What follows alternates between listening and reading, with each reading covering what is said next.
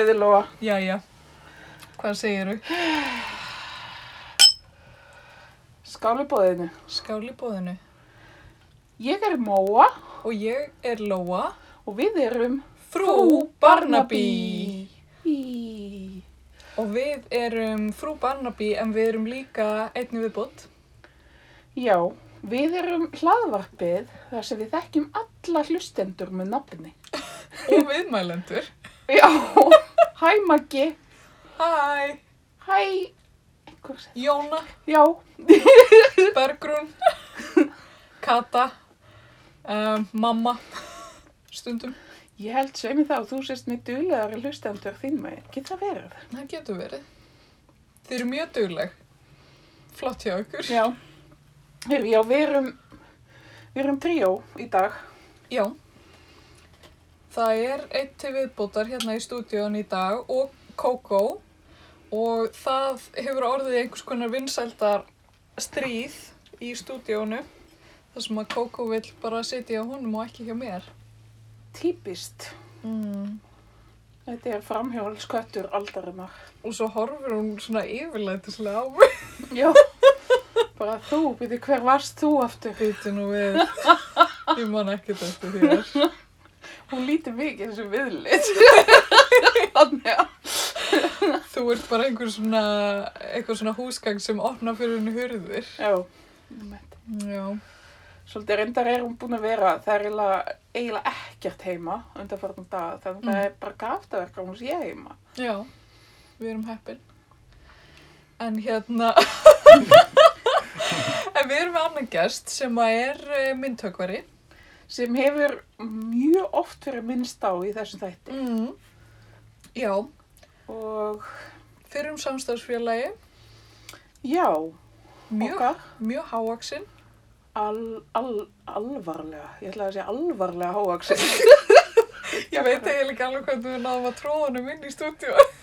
Það gekk, hann er sko, kemst eiginlega ekki inn í stúdíóið, hann er svona Mm. nánast eins og Lísi undralandi, þú veist. Já, það er svona eitt fótur út um gluggan og hinn.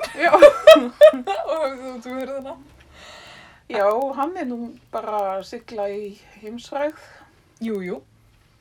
hef ég heyrt. bara að gera alls konar hluti eh, hérna höggvi í stein.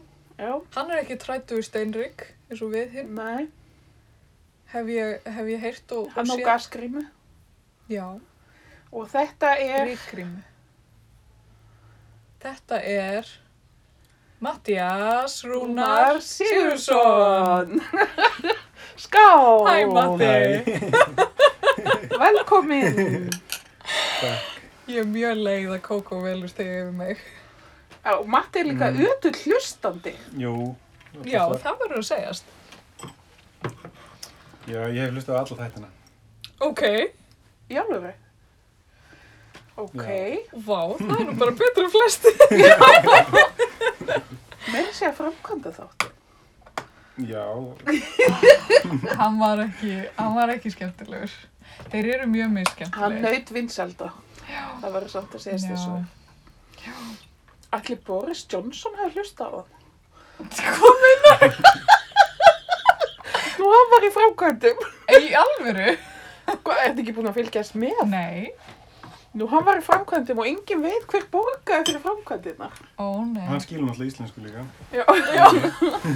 Þannig að það er frekar líklegt að hann hafi verið að hlusta á okkur og verið kannski inspired Einmitt. og látið svo breska alþýðu borga fyrir. Í sem unna á það, þessi, þessi klaki í þessum koktel hérna, er þetta einhvers konar myndhöggvara, er þetta til heiðurs myndhöggvaranum? Já, mér fannst sko eins og gerstu kvöldsins þyrfti að fá eh, eitthvað svona statement piece. Svona, myndræn. Þetta er mjög myndræn. -hmm. Og þetta- er svona risa, hérna, risa svona kúluklaki. Já. Svona svolítið eins og eitthvað ísnöttur. Já. og hérna. hafa meira svona? Já, Er þetta svona, já, þetta er greinilega til ísnöttur og svona global warming. Mhm. Já, þetta er ísnöttur sem setur svona í, í súpunni, Já, svolítið. En þetta er alveg agalegt kla, klakaboks sem að gera svona, svona ísnötti. Er þetta klæga box? Já, Ok. já. Þetta er svona úr sílikoni Mhm. og hérna, fæst þetta í svona myndtökvarabúð. já. Þetta er svona, hobbybúð. Já, þetta er svona, þetta er í myndtökarabúðinni einmitt sem að við verslum í. Þetta er svona, Ok. nei, þú, það, þú veist að spila með mér svona eins og að sé, eins og að sé til einhvern þannig búð. Já, ok. Já, ok. Er það ekki, er ekki svona leiniorð, Ha. er ekki leiniorð til þess að komast inn í Jú, búðina? einmitt, jú, það er leinar, sko, en við ætlum ekki að segja það hér. Nei, nei, Nei. nei. En það er alls konar vörur Mm. þannig til þess að láta, láta klaka til dæmis lítið út til eins og alls konar annað. Já, það er líka svona alls konar leir til þess að búa til svona sem að verð, breytist bara í málm, sko. Þannig að maður getur bara búið til hvað sem er. Mm. Ok, Og margir nota þetta, sko. Mm -hmm. sneddi. Mini keramik opnar. Já. Uh, Ó, mér langar í þessa búð. pizza opnar. Já, og hérna mjög mikið úrvala glimmeri líka. Oh my god, ég elska glimmer. Ég líka. Elskar þú glimmer? Já, ég er reyndar, eða svona, ég elska allavega svona eitt glimmer sem ég, því ég fann einu sinni, hérna, glimmer stein Mm. bara út á götu. Ok. Er bara, glimmer er búið til úr þessum stein. Ha, er það? Já, ég fann þetta bara hverjuskutinni. Ok. Það lá bara í græsinu. What? Ok, þetta er magnað. Já, Magnaðar upplýsingar. þetta er eitthvað, heitir eitthvað, ég spurði frængu minna sem er sko jarðfræðingur hvað þetta væri eiginlega Mm og hún vildi meina að þetta væri eitthvað svona glimmer steind. Það var það sem hún sagði. Ok. Það er svolítið gaman hvað sérfræðingar eru basically að segja manni að þetta er glimmersteinn. Já. Nefn að kalla það glimmersteinn. Já. Það, er- það er eins og þegar að, hérna, þegar að eitthvað eru kalluð fræði. Já, Já, þetta eru náttúrulega mögnuð fræði Mhm, eða eitthvað svona listfræði. Ég er ekki að segja að það sé ekki til, skilur nei, nei. Líka eins og allt sem er svona eitthvað, eitthvað svona, eitthvað andleg líðan að þá er það sálfræðilegt, sko. Já, ekki tilfinningar. Nei, nei, þetta er ekki eitthvað svona sálrænt, það er sálfræðilegt. Þetta er sálfræðilegt. Já, já, einmitt, Já, einmitt. Mhm. en þetta, þetta var eitt af því sem var mjög skemmtilegt, að því við vorum líka kollegar Mhm. í safnahúsinu og það sem er, eitt af því sem er mjög skemmtilegt fyrir Mattias er að hann veit rosalega mikið um steina. Já. Og bróður sem heitir Steini. Mhm. Nei, já, já, ég er búin að setja þetta saman. er hann uppáhaldsbróðin? Já.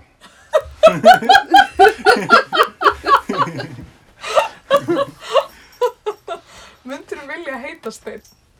Mm, nei, ég held ekki. Nei, mér finnst finnst að Mattias svo bara- fallegt. Já, það er fínt að heita bara Mattias. Já. Myndir þú heita eitthvað annað ef þú getur valið, Máa? Sko, góð spurning, auðvitað. Ég var sko mjög lengi, mjög ósátt við þetta nafn. Sérstaklega þess að ég er ólst upp í Suður Fraklandi Auðvitað. og ég gat ekki, kunni ekki að segja nafnum mitt. Æ, Ég var bara eitthvað, móið dýr, fliff. Skildi bara, ég skildi ekki þetta nafn. Svo gæti ekki skrifa, svo var ég sko Magnússon í skólanum og ég gæti ekki skrifa Magnússon. Mér finnst það ógeðslega erfitt. Ég var bara, hvað er marg S í því, mamma? Byrjaði ekki að tala frönsku. þegar Já, ég byrjaði að tala fransku og svo sem sagt heiti mamma mín Rós og mér fannst Mm. alveg, mér fannst bara ósam, mér fannst bara mannréttindabrót að ég héti ekki blómanafni eins og hún. Mm. Mm. Og varstu búin að velja nýtt nafn? Ég var, þú veist, alltaf, þú veist, að skiptum nöfn, stundum var ég fjóla og stundum eitthvað svona Ok. fransk blómanöfn og eitthvað. En fóreldra mínu voru ekkert að hlusta á það, sko. Nei. Fjandans fóreldrar. Ég, ætti sko að heita Rapp. Ok. Í alvöru. Já, en síðan En hvað gerðist? þegar ég ákveða að skýra mig og bróða minn í höfuð á uh, einhverjum fólki bara ættuminnum okkar frekar. Eh, já, ég, þannig að sem sagt, ég skýrur höfuð á frænda mínum sem heit Mattias. Mm. En fyrst átti ég þetta hrapp, þannig að þess að ég var alveg svona blár á litin með svona svart hár þegar ég fættist, sko. Ok. Eh, Já, það er einmitt eitthvað sem okkur var sagt þegar við vorum svona fóröldarnámskeið að maður geti, að maður ætti ekki láta sér bregða þó barnið þegar fættist geti verið blátt eða fjólublátt eða eitthvað og ég er mjög fegin við fengum þessar upplýsingar áður þess að Ísolt var fjólublá Vá, ég bara, ég bara vissi þetta ekki. Já, Vá, það er svolítið magna. Mhm. og þú varst blá með svart hár já, þér hefur ekki dættið að skýra hana fjólu. Nei, þetta með nafngiftir Mhm. getur verið mjög erfitt. Já. Bara þegar þið fara í þann bransa, þá skal ég vera svona sálfræðingurinn ykkar. Aha. Maður þarf, eða þú veist, maður þarf að, það er erfitt að vera sammála. Já, Já. En, en svona í öllum öðrum tilfellum þá er mjög auðvelt að vera sammála. Já, yfirleitt. þetta, Það er svo, fundist. þetta er svo stór ákvörðin Mm. og hérna, og þú veist, maður er ekkert endilega með sama smekk þó að maður sé saman með einhverjum mm, sem er svolítið merkilegt. Þú veist, svo er sumir sem er bara með nákvæmlega sama smekk, ég skil það ekki alveg. Já. Þannig að, Svo er allt annað, það er ekkert mál að finna nafn á gæludýr samt. Það er ekki svo mikið mál. Ég ætlaði einmitt að spurja, hvernig var, var innan fjölskyldunar þegar þið voru að nefna Kókó? Heyrðu, það var Ísold reyndar sem að hún sagði bara hún á að heita Coco Chanel. Og við bara, ok. Er það ekki yfirleitt, það, það er oft þannig að sko bara, kannski eru margir með eitthvað nafn fyrir köttin eða eitthvað, Mm svo bara eitthvað eitt sem festist, svona sem er Já. einhvern veginn þægild að segja eða eitthvað. Hvað heitir kísan þín? Hún heitir Kata, Er það eftir einhverjum? það er reyndar eftir vinkonu minni, hún heitir Katarína. En hún átti að heita Camembert fyrst en það festist ekki sko, Nei. það er ekki alveg nóg gott. Camembert er líka, er það ekki strákaðan? Jú, það er líka, Mm. hún heitir eiginlega Katarína Camembert en hún er yfirleitt bara kölluð Kata. Þetta er sko eins og kötturinn okkar í Skotlandi, hann hétt, hann átti að heita Sushi Mandarina. Við vorum sko með svolítið matarfema Mm á köttum, en kom ljósa, hún Mandarina var strákur. Þá fekk hann að heita Sushi og svo snúður á íslensku. Sushi snúður. Svo hitt hann, hann að klikka vinkonu mína sem sagði bara, að, sagðist að tala við hann. Mm. Hún segi já, hann sagði mér að hann héti Kabir Já. Já, ymmit. og þú veist, ég hef samt aldrei kallað hann Kabir sko. Nei, en he- heitir hann ekki nýju nafni núna? Svo fór hún að kalla hann The Darkness. Já, var hann ekki svolítið svona óbeldisneiður? Uh, jú, Mm -hmm. Aldrei klikkaður. já. En talandi um það, þú varst einmitt, varst þú ekki hundurinn í... Jú, ég var Sykes. Í persónuleika próf. Já, Það passar sko. Ég var hann. Manstu hvað þú gerðir til að verðskulda það? Ég var bara ég sjálfur. Sykes er svona, hann er vinnalegur. Hann er svona svolítið happy-go-lucky. Já. Já. En sko málið er að þarna þessar, þessir rannsóknar lauruglumenn, þeir eru ekkert að rannsaka glæpana. Nei. Ég komst að því í gær þegar ég horfði á þáttinn. Það er kannski bara Sykes sem er að því. Hann var látin verið í einhverju svona, með eitthvað kraga. Var Sykes? Já, vegna þess að það var þannig að Barnaby, Mm hann hafði verið að borða einhverju svona saltkringlur Mhm. og hérna, og hann hafði tekið giftingarringi sinn af sér og síðan hafði hann gefið Sykes óvart bæði giftingarringin og saltkringlurnar og þannig að Sykes þurfti að fara í svona kraga og, og síðan eftir að það tóku kragan af þá listu, þá listist mormálið sko. Þetta var allt Sykes að þakka. gæti verið sko En þegar þú horfðir á þáttinn sem við settum þeim fyrir, varstu svolítið að fylgjast með hundinum og svona reyna að finna tengingar eitthvað? Já, já, nei, Bíddu, en var þetta þátturinn, var þetta myndtökur þáttur? Nei, Nei, nei, nei. þetta var ostaþáttur. já, Ah, það voru ostamorðin, sko. já, já, já, og það voru eitthvað svona ostaormar. Já, Það byrjaði því að kona var myrt með því að vera lamin í hausinn með osti. Og síðan, Klassik. síðan voru að setja svona ostalirfur upp í eitthvað. Ói bara. já En- það var lík út í skógi sem var með munnin fullan á ostalirfum. Já, Ok. en þau, sem sagt, hann var dáin áður en að lirfur- lirfurnar voru settar upp í hann. Það voru samt lifandi lirfur í, þannig að ég, svona, ég hugsaði svolítið að ég vorkendi smá leikaranum að þurfa að vera með svona lirfur upp í sér. Og ég hugsaði með mér að þegar hann fekk þetta hlutverk þá hefur nú verið sagt að hann þyrfti að vera með lirfur upp í sér. Kannski var með plastpoka, þú veist. Já, það hreyfðist alveg upp í honum, sko. Já. Og hann var alveg kjúr. Ætli að MS þegar breyta hafi styrt gerð þessa þáttar. Já, já, þetta var einhver svona sérstækur bláostur sem er bara búinn til þarna í þessu hér, eh, mér minnir rétt. Já, mitt, þarna, Midsummer Blue. Já, Midsummer Blue. Umvitað. Var ostaháttíð. var hátíð. Það var ekki, nei, það var reyndar ekki sko, en þau voru með eitthvað helli þar sem þau voru að framleiða ost eftir einhverjum svona gömlum aðferðum, en síðan var einn sem að, eða sem var einhver sem- sem átti þetta ostadæmi, hann, hann ætlaði að láta loka hellinum og vera með svona stærri framleiðslu og eitthvað þannig.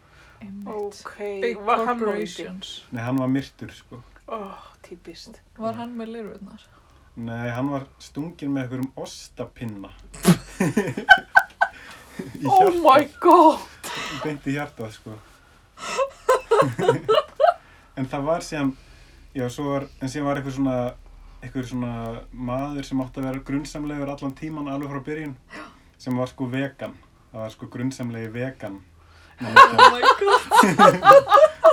Það sjálfsögðu, það er náttúrulega bara mjög grunnsalegt En að hann- vera vegan í ostadæti. en það var bara, hann var það grunnsamlegur einhvern veginn að það gæti ekki verið að hann væri morgingin sko, Nei. það var svolítið þannig Ég elska þegar morðingin í mitt sem er, er með þema. eins og að vera með Já. í morðunum. Svolítið svona skemmtilegt. já, Svona witty. já, í, maður ímynda sér svo nokkra hönd, eða þú veist nokkra handriðshöndar sitja við borð. Já, byttu, fyrsta morðið, já, það er, já, það er bara, hérna, drepa með ost, hérna, Já. hvað heitir þetta? Og, hann það ekki? Já, bara stórum, risastórum osti. Já, sem var orðin harður en það er engin orðið fyrir osta eitrum. ekki í þessum þætti allavega Nei. Það var Nei. ekki, sko. En hérna, þetta er nú talin einn af verstu meitsumur þáttunum. já, Á, já, er það hef ég lesið á netinu. Eða Í fárunlega. alvöru? Já, mér Það fannst þannig svo ekkert slæmur. Mér fannst svolítið eins og þetta listi sér bara einhvern veginn sjálft. Þeir voru bara að spá í einhverjum allt öðrum hlutum og svo bara mm, kom ára enginn í ljós einhvern veginn, sagði bara að hann væri, mm. það var hann bara eitthvað klikkuð eða eitthvað. Ah. Býttu, var þetta bara eitthvað klikkhaus? Já, hún var bara eitthvað bitur og klikkuð eða eitthvað. En byrju, akkur var hún að myrða svo?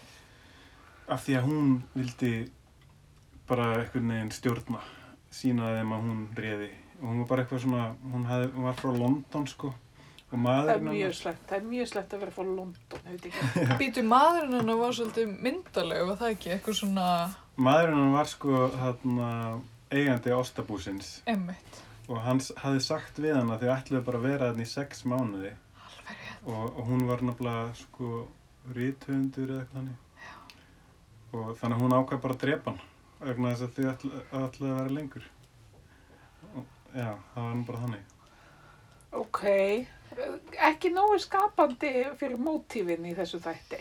Nei, en, en kannski, þú veist, eins og þú máa, verandi þú svona úr skapandi gerunum, ef Arnar myndi flytja þig á eitthvað, á eitthvað ostabú. og segist alltaf að vera bara í sex mánuði Já, og, Og svo myndi ég bara drepa því að það er lengur. Ég veit það ekki. Ef þú ert svona svolítið ísoleruð og, og svona einhvern Og drepa alls konar annað fólk líka með svona osta aðferðum eitthvað. Nei, ég menna þú veist, gerir kannski fyrsta morðið óvart svo, svo einhvern veginn kemst upp á bragðið. Já, Ég veit ekki. ég veit ekki, mér finnst þetta ekki mjög góð ástæð. Mér finnst oft Nei. mótífin geta verið betri, Já, þú veist. Þú veist, einhvers konar hemd eða ástríða, þú veist, það er alltaf góð mótíf. já, Mm. Heit ást og eitthvað svoleið, sko. já. En mér er samt oft, þú veist, þá er verið að svona afvegarleiða mann með einhverjum svona ástriðum, þú veist, eins og já, þessi var nú að halda fram hjá með þessum Já, já, já. Mhm. og þess vegna ætti svo manneski að vera morðinginn Mhm. en svo er það akkurat ekki. Það var bara einhver sem að, sem að vildi fá peninga út úr tryggingunum eða eitthvað. Svakalegt. Og svo er þeir svona einhvern veginn að, svo sagði hann eitthvað Barnaby við hann að, var hann svona einhvern veginn að reyna að kenna henni að þetta væri ekki rétt og eitthvað svoleiðis. Moralísandi. Já. Já. ætti ekki að gera svona. Nei, svona gerir ekki. Í alvöru. Já. Það er ný hlið. Býttu, var þetta gamlega ný? Það var nýji. Já, því hundurinn var með, sko. Já, já, já. Og hvernig fannst þér uh, upplifunin? Sko, mér fannst þetta alveg svona ágætið svona stemming einhvern veginn. Já. En síðan hugsaði ég með mér að það væri kannski svolítið fyrir svona gamalt fólk.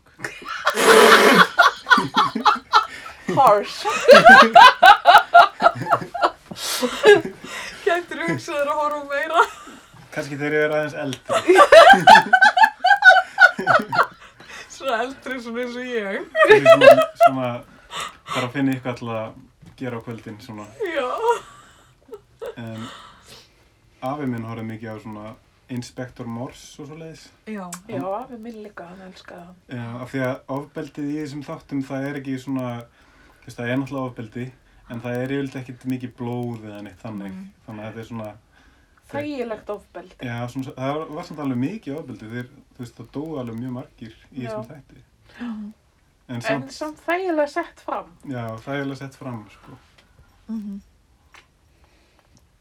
Og, já, Var eitthvað sem kom þér á óvart að því veit að þú horfir nú ekki mikið á þetta?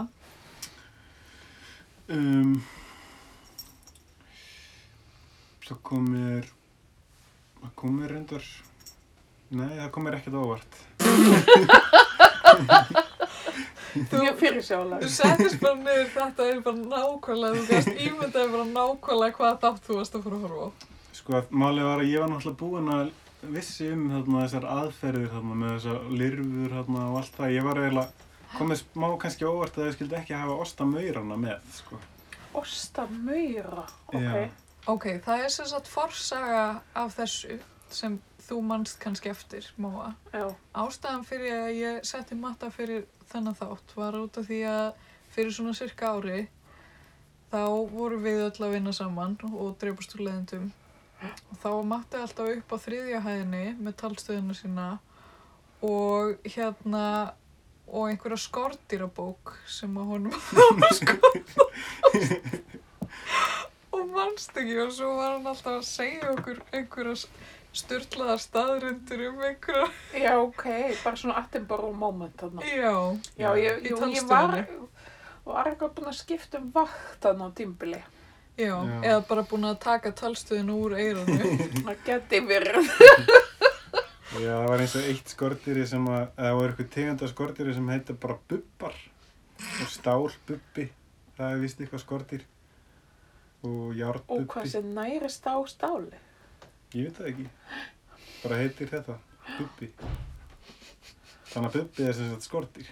Og varst þú að vinna einhvers konar heimildavinni fyrir mynd, eða fyrir eh, stein, Já, ég var svolítið að svona teikna skordýr og, og svoleiðis. já, við með. og gera líka svona höggmynd en hún er enda ekki einu svona tilbúin sko já, því að síðan fannst mér þetta ekki ég þurfti að breyta henni sko þannig að það var ekki alveg svona bara skordýr það þurfti að vera eitthvað aðeins meira sko fyrir svo með þetta spennandi sko en það er enda Það er svo fyndið þegar maður lendir í svona erfileikum með eitthvað verk, eða ég allavega að gera það, að ef ég lendi í einhverjum erfileikum Mm. og er svona í miðinu að gera eitthvað, þá fer ég svolítið í fílútið og setja bara eitthvað út í hopn. Já, einmitt. Stundum, núna hjá mér þá er ég með nefnilega svona nokkur í einu, eða svona Mhm. nokkur í gangi. Það er alveg must. Já, þannig að þá bara ger ég það sem ég er í stuði fyrir, sko. Mm Og, og, en síðan fer ég líka oft þarna fyrir utan ásmundasal, það sem að, Já, fyrir utan ásmundasalum mitt, ég hef séð þið þar. já, það er svona, það er svona langtímaverkefni, sko. En eins og í dag þá er ég, ég er að búa til svona speil úr rapptinu. Ok. Er, er ekki fáránlega erfitt? Mm. Er hún ekki auðveld, eða þú veist, brotnar ekki auðveld úr henni? Jú, af, því að þetta er nefnilega bara gler, sko. Já, emmi. eða svona eitthvað svo leiðist. Þannig að það er ekki tægt að höggva í hana, sko. Þannig að ég reyndi að gera það eitthvað tíman og þá bara brotnaði hann, sko. Þetta er sko, það er nefnilega líparít, sko. Líparít. Hérna, haftina er líparít Já. Og það, hérna, Kókur eins og í hengirúmi. Já. það er mjög mikið af þessu þarna á haftinu skeri þarna í landmannlöðum. Já. Einmitt. Hefur komið þangað? Já, ég hef komið þangað, sko.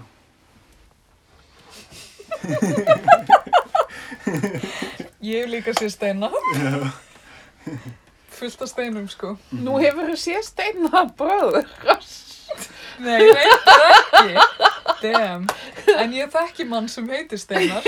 Þannig að læknirinn minn heitir Steinar. Til dæmis. Hann er ekkert mjög mikill, e, e, þú veist, finnst hann ekkert eins og Steinn. Ekki þannig. Nei, Kannski eins og margisteinar. Já, kannski. eins og möl. Eins og möl. Minnir hann á möl. Kannski meira eins og möl. Eða svona, eða svona haugur. Er hann, er hann svolítið haugur? Nei, Nei. ég myndi ekki segja það. En hvernig stóðu því að þú byrjar í, í? Hvern, já, það var svolítið, svolítið síðan, sko. Það var bara þannig að það var eiginlega bara vegna þess að það var, já, það, ég var sem sagt, ég og bróður minn, þá byggum við hjá mömmu okkar og við vorum með svona herbeggi sem var svona eins og vinnustofa Ok, og það sem var svona eitthvað neðin að bara eitthvað að gera alls konar svona og ég var að gera svona skúltúra og ég var búinn að prófa að gera úr leir og einhverju kertavaksi og, og svo hérna þannig já og hérna svo langaði mig til að fara að gera eitthvað aftur úr leir eða eitthvað svo leiðis en það bara átti ekki neitt pening af því að ég var bara tvítugur og var ekki og var bara ekki neitt vinnu og þannig að ég prófaði bara eitthvað að höggvi í eitthvað, eða þú veist, tók bara eitthvað stein og prófaði eitthvað svona að lemja hann með eitthvað svona fyrst bara með eitthvað svona skrújárni sko, bara til að sjá hvort eitthvað myndi gerast og og það var eiginlega þannig sem það byrjaði Já, ok. þannig að neyðin kendi, Oh my god, ég hugsaði það sama. Neyðin kendi Mattiasi að höggva. höggva í stein. Já, það var svolítið þannig sko Sér Svo- það eitthvað tíman eftir því? Nei, Finnst þér þetta ekki svolítið svona, hvað ég segja, þú? þungt Svona steinnin Já. geta verið svolítið þungir Já.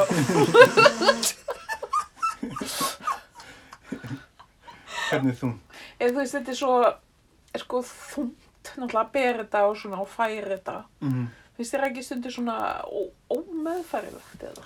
Já, það getur verið það sko En ég eins og ég ger eins og ég er annars já, ég er aðalega bara að gera svona hvað byrja það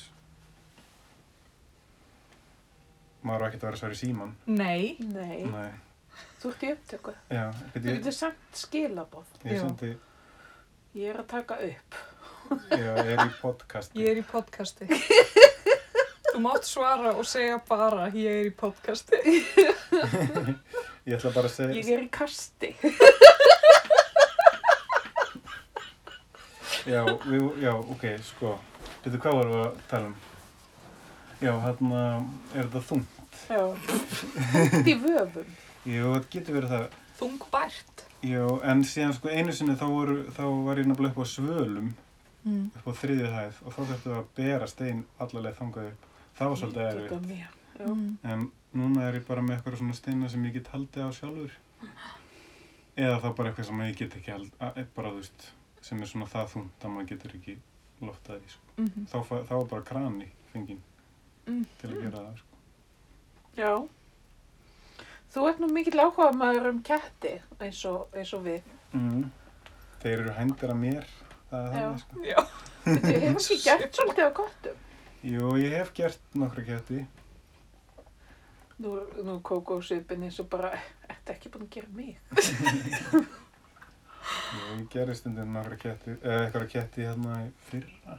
En ég hef ekki gert neitt gott á þessu ári. Var það ekki köttur sem gerði fyrir norðan hjá okkur? Jú, það var köttur, sko. En það var samt svona svolítið öðruvísi köttur, sko. Mm. Af því að það var, af því að mér hafði sko dreymt, dreymt hann, sko. Mm. Draumkott. Já, það var svona draumköttur. Hann var svolítið mannlegur, Já, pínu. já, það, hann var vist hann í draumnum, sko. Hvernig kom hann til þín í drömmunum? Sko, málega er hann með dreymt hann að blað tvisu sinnum, sko. Ok. Fyrst þá var hann bara svona, eins og svona eitthvað lítið bann sem að stóð, svona, þú veist, sem að gat, já, stóð samt og var með svona hendur og stóð upprétt og, og svona svartu köttur og vildi svona leiða mig og síðan eitthvað horfi ég að rátt og, og síðan er hann allt í henni bara svona heldur hann svona utan um puttan á mér. En í hinu draumnum þá var hann bara, þá dreymdi hann bara höggmyndina sjálfa, sko. Mm. Og þá gerði ég það bara. Sko, alltaf þegar ég myndir um ketti þá segir mamma að það sé fyrir elskugum. Ah, Já. er það Ok. þín upplifun? Og... Nei, hann getur sérstaklega. Hefur þið oft dreymt ketti? Al, já, Rétt aður en hittir Arnar. Í það eina skipti. ég man ekki eftir því, nei, sko. En já, ég man ekki eftir því, nei. Mm. Ég veit ekki hvort maður hafa oft drömt ketti. Jú, ábyggilega. Rétt aður en hittir Stark. Já, ábyggilega. Já, eða sko, það er oft fyrir því, sko, segir mamma allavega. Mhm. Þú veist, það er að maður eigi marga elsku. Get það Já. minni mig, en ég, mamma er sko draumaráðningakonan hjá mér. En svo gleymir maður oft draumum, sko, þannig að það gæti vel verið að ykkur hafi dreymt kött áður en þið hittu þá, sko, Já, en bara munið ekki eftir því. Já. einmitt, já. En koma verk oft til þín í draumum? Uh, það kom bara þetta eina, sko, og svo eitt annað, en ég er ekki búinn að gera það. Að ég hugsaði með mér að ég nenni ekki alveg að vera eitthvað að dreyma verk og fara að gera það alltaf. Þannig að ég ákvað að ég ætla bara, það kemur örgulega annar draumi bara þegar ég er búinn með þetta verk. Já, Þannig að það er svona á, á hold, ok. þetta verk. Ég held að Paul McCartney hefði dreymt var að yesterday. Hann dreymdi eitthvað lag Já, sem hann bara, eða var að Hey Jude, að ég man það ekki. Mér, mér hefur líka dreymt ykkur svona lög sem ég veist að voru rosa góð sko. En síðan náttúrulega myndi ég ekkert Nei, mér hefur líka dreymt tónlist. Kannski eru þið verið. ykkar kynnslóðar, þið Bara- hafið bara ekki gert neitt. Bara í draumunum. Og ekki í alvörunni. Nei. Já, ummitt. Já, amma mín, hún semur sko ljóð og eiginlega engungu í svefni. Já, Ok, já. það, það, það er frábært, þegar hún gefið út bók. Hún sko, hún hefur gert það að sið að þegar að barnabönnin hafa fermst Mm. eða ekki fermst, bara svona á fermingaraldri, að hérna þá gefur hún þeim ljóð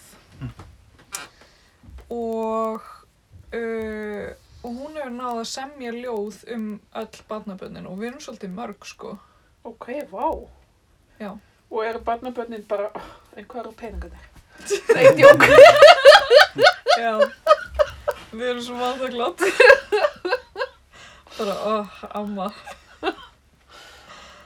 Já, en þetta, þetta var hún gert og hérna, og hún var að tala um þetta um daginn, sko, að hérna, uh, það er einn af, af svona alveg yngri kynsluðinni sem á, var að, er að fermast, var að fermast núna, nýlega. og hérna þá hjælt amma sko jafnvel að hún væri búin að missa hann hæfileika Mm. og hún var búin að skrifa fyrri part og svo var hún bara hérna, það var bara ekkert að gerast og hún bara, guð minn góður af því að þú veist, hún hugsaði um leið og hún samti þetta ljóð þarna um elsta frænda minn Já. bara, ó nei, nú þarf ég að gera þetta fyrir alla Já, þetta. af því þú veist, það þýðir ekkert að semja ljóð um nokkur börnin Já. og svo ekki hinn Mm.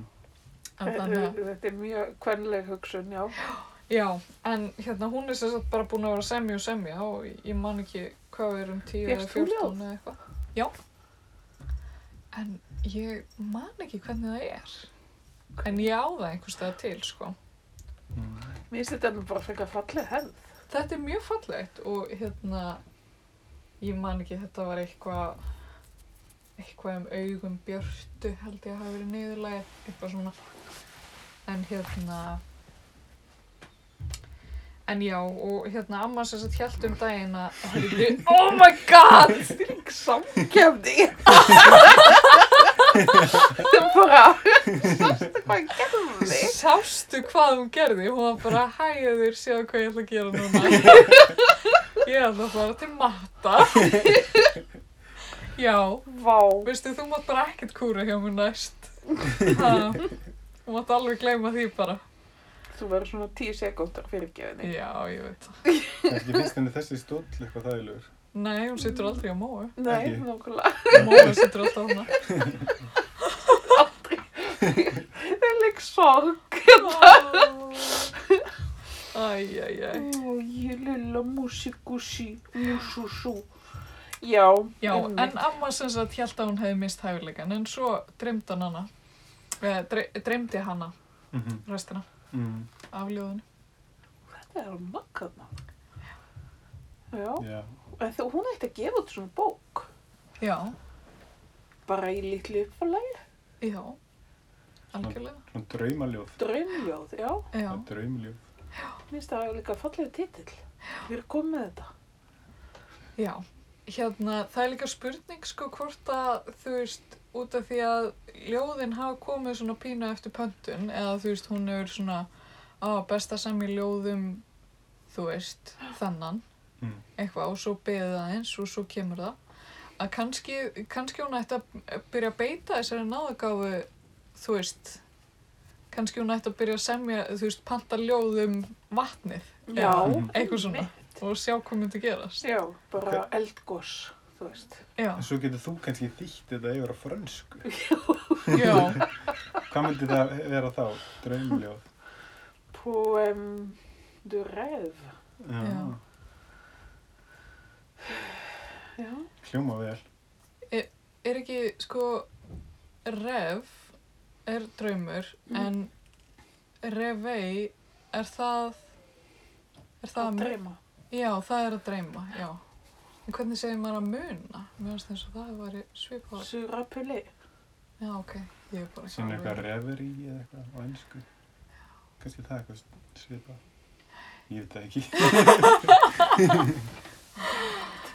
En það er hérna, það er líka annar maður sem að með dettur í hug í, í þessu hérna samingi er Mm. sko hérna langnesingur Draumajói. Mm. Langnisingurinn drauma, jói. Já, Þetta hljóma bara eins og skaldsa. Ok, gott er þetta er, sko þetta væri náttúrulega frábær skaldsaga. Þetta Já. væri svona eins og svona Gabriel García Márquez. Ok, eða er með það. Að það er sem sagt, uh, það er maður sem að fæðist á, í Söðaniskoti sem bara rétt hjá þessum Söðanishúsi er. Já, Uh, og sonur vinnufólks, hann fær sko hérna taugaveiki þegar hann er barn, já, tvísvar í röð. Og hérna og, og liggur bara með óræði bara í bara marga marga daga. En hann nær sér af taugaveikinni. Já. en eftir að hann veikist og nær sér þá, þá hérna finnur hann fyrir náðagáfu. Mm. að hann getur drengt hluti sem að eru týndir Já. og hann getur fundið þá ok, vá. Já, og það eru allskinn sögur af draumajóa, sko, ég hérna kíkti í sko íslenska þjóðhætti að þá eru einhverju svona kallar og konur sem eru bara, já, ég man eftir draumajóa, hann bara fann skobluna mína og bla bla bla, eitthvað svona, bara mjög íslensk, sko. Býti, ok, get ég hringt í hann bara, hvar er síminn minn? Hann er alltaf lungudaginn, sko, því miður, því miður. En hérna, en þú veist, það er einhver svona fræg saga því að hann hérna var við engjaslátt á Mm. Ytralóni og hérna, og sem sagt, er eitthvað aðeins að kvíla sig og þá dreymir hann hérna tvo hrúta einhver staðar á heiði og hérna, og þeir eru fastir saman á hotnunum og hann veit að þeir munu ekki geta að losa sig Já. Og hérna þeir eru bara í einhverjum svona dauðaströggli þannig upp á einhverju heiði og hérna og náðagáðan virkaði þess að þannig að draumajói, hann er að drauma og sem sagt ef þú týndir einhverju þá þurftir að koma að tala við hann sko meðan hann var sofandi Já. Mm. En þannig að hérna, þannig fólki sem var við engjaslátt með honum fyrir eitthvað að spurja hann bara eitthvað, já, hvaða hrútar er þetta og getur þú séð mark í eiran að þeim og eitthvað. Mm. Og þá kemur í ljós að þessi á Hvammi átti einn og einhver annar bóndi í Laxardal átti hinn og hérna, og svo kemur að réttum eitthvað um haustið og þá, hérna, þá vantar hrúta Og þá er það þeir. þá eru það þeir og þá hérna, þá fara bændurnir til draumæju og segja eitthvað, já, getur þú líst fyrir okkur aðeins, þú veist, hérna, staðháttum og, og hérna, þú veist, þetta var annarkvort kvamsið eða dalsið eða eitthvað og hérna, og svo fara þær bara að leita og þá eru hrútinni þar, Mm. fastið saman á hodnanum Ok. og það er alls eins sögur. Stór og merkilegt. Já. Þetta er alveg saga til að skrifa. Og ég held sko að Birgir Andrisson hafi gert verk, myndlistaverk um Ah, draumæju. ok. sem er um þetta í eigu nýlistasafnsins. Ef hann væri núna, ef hann væri núlefandi, getur hann verið bara með heyrnatól og fólk getur bara talað Já. við hann þegar hann er Þú veist, væri hann ekki að fá svolítið mikið bara, "Oh, hvað er glerugum mín? Andjóks. Já. Já, það skil. Það, það, eru- það eru nokkra hlutir sem týnast hér sko daglega. Mm. Það er glerugum hans Arnars, þau eru alltaf týnd. Já. Og hárbustennir okkar, þrýr, stelpnana. En það eru samt þrýr hárbustar. Já. En þeir eru alltaf týndir. Já, Og Hvar eru þeir svo? Finnið þið aldrei? jú, jú, en þú veist, það er alltaf bara, hefur þessi hárbustan mín. Og svo kemur Arnar og fyrir að gera grína okkur og segir, ég myndi nú bara setja hann alltaf á sannum að stað, tímindi setna, hvað er glerugum mín? Oh, Eða hvað er glettun, eins og hann segir. Glettun. Eru margir sem segja þetta? Nei, það er bara árbæringar. Er hann úr orbanum? Já. Ok. Segir ekki pappiðin glettun? Nei, ég hef aldrei hýrt þetta. Nei, hann er kannski ekki með gleru. Jú, Á, núna. Gleddin. Ég hef aldrei heyrt þetta. nei, mitt. En það er þú úr vesturbænum. Já. Stór hættilegur. Ég er úr Vesturbænum, sko. Já, er það ekki? Já. Bara öldugutinni. Gamla Vesturbænum, sko. Já. Já, það er svolítið sér á porti, held ég. Já, það reyndar var, þegar ég var lítill, þá var, sko, þá var alls konar fólk sem bjóð þarna. En síðan svona hægt og rólega þá byrjaði þetta svona, einhvern veginn fólk úr Garðabænum eða eitthvað að flytja á þangað, sko.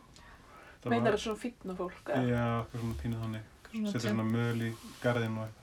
Já, svona fastegna, fastegnaverðin alltaf komið út úr kortinu þarna. Já, einmitt. Möl í garðin. Já, svona í staðin fyrir gras og blóm. Já, hvar var ég að sjá þetta eitthvað staðar? Alveg, já, við vorum að keira Mm. við Arnar aldrei sem var þetta, Altanesi Ok. og ég veit ekki hvort, ég hef aldrei kert þessi götu áður en þessi, þessi hús voru bara eins og úr hérna Black Mirror þætti eða eitthvað Mhm. og það voru engi garðar hjá þessum húsum, það voru bara einmitt möl. Ég hvort það verður eitthvað svona, þá þurfum við ekki að slá grasið, sko. Þau eru alltaf að vinna. Þau eru alltaf er að það ekki vinna. svolítið svona sálarlust? sálarlust fólk.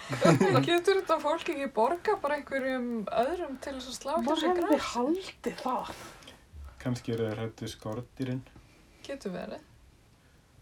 Það er kannski fleiri skortir eða það er plöntur. Já, Stundum kannski þegar eru plöntur of nálægt húsinu þá kom svona róðamaurar inn. Já, hvernig mörur eru það?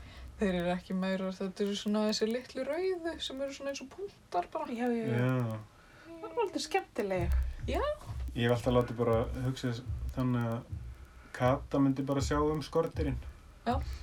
Og svo er ykkur, þannig að hún, hún hefur stundum, ef það er ykkur bjalla eða eitthvað, þá svona sendi, eða svona teki kötu bara upp og læta hana hjá bjallinni og sé hvað hann gerir. Og Já. þá borðar hún hana stundum. Aha, En síðan um daginn þá voru silfurskottur, það var ein silfurskotta, ég held að sé bara ein silfurskotta heima á mér, sko.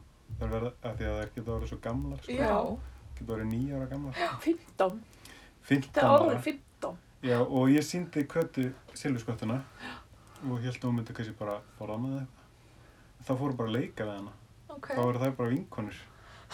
Það, já, ég, það, ég er alveg hættur að spá í þessum silfurskottum. Og alveg hættur að treysta á hana kött. Já, já, allavega með silfurskottunar, sko. Já. Já. Síðan, síðan kom geitungur inn til mín síðasta sumar. Það var komin ágúst, þannig að hann hefur verið eitthvað smá kallt og ég var eitthvað svona að reyna, reyna svona einhvern veginn að reyka hann úti eða eitthvað. Og svo hvarf hann bara og hérna, og fór upp í einhverja hillu og ég sá hann ekkert meira þannig daginn. Og svo næsta dag þá bara flög hann út. Hann vissi alveg hvernig hann átti að komast út, hann var bara að kvíla sig. Aha. Og Kata leta bara vera. Hún vissi ekki einu svona á hennum, sko. Nei, nei, ok. Ég var ekki svo spá í þessu. Nei. Ég er greinlega mun verið satisti en þú. Já. Það er svolítið að drepa skortýr. Það hefur alveg komið fyrir, sko. Ég drep stundu skortýr óvart bara þegar ég er að opna síma minn og þú veist, gerir svona skjálás og þá er eitthvað svona kramið skortýr á símanum.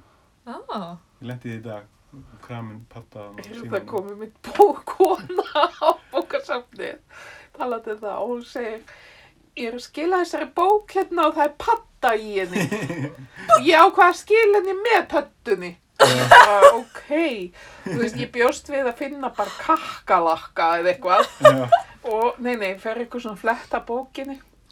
Þá er þetta bara þess að pínu litla fluga já, sem er dauð, sko, er búið að kremja hana með bókinni. já. já. En þú veist, sem er bara liggur svona, dauð. Og. Og ég bara eitthvað, ok, þú veist, tek hana úr bókinni, veist, þetta er svona svakalega mikið mál. En býtu, var flugan í bókinni þegar hún legði hana? Já, greinilega, hún vildi meina það. Það var umkvörtunarefni. Hún var ekki að kvarti við því að það hefði verið fluga meðan hún var að lesa. Nei, hún vildi meina sko það er patta í, það var sko patta í bókinni.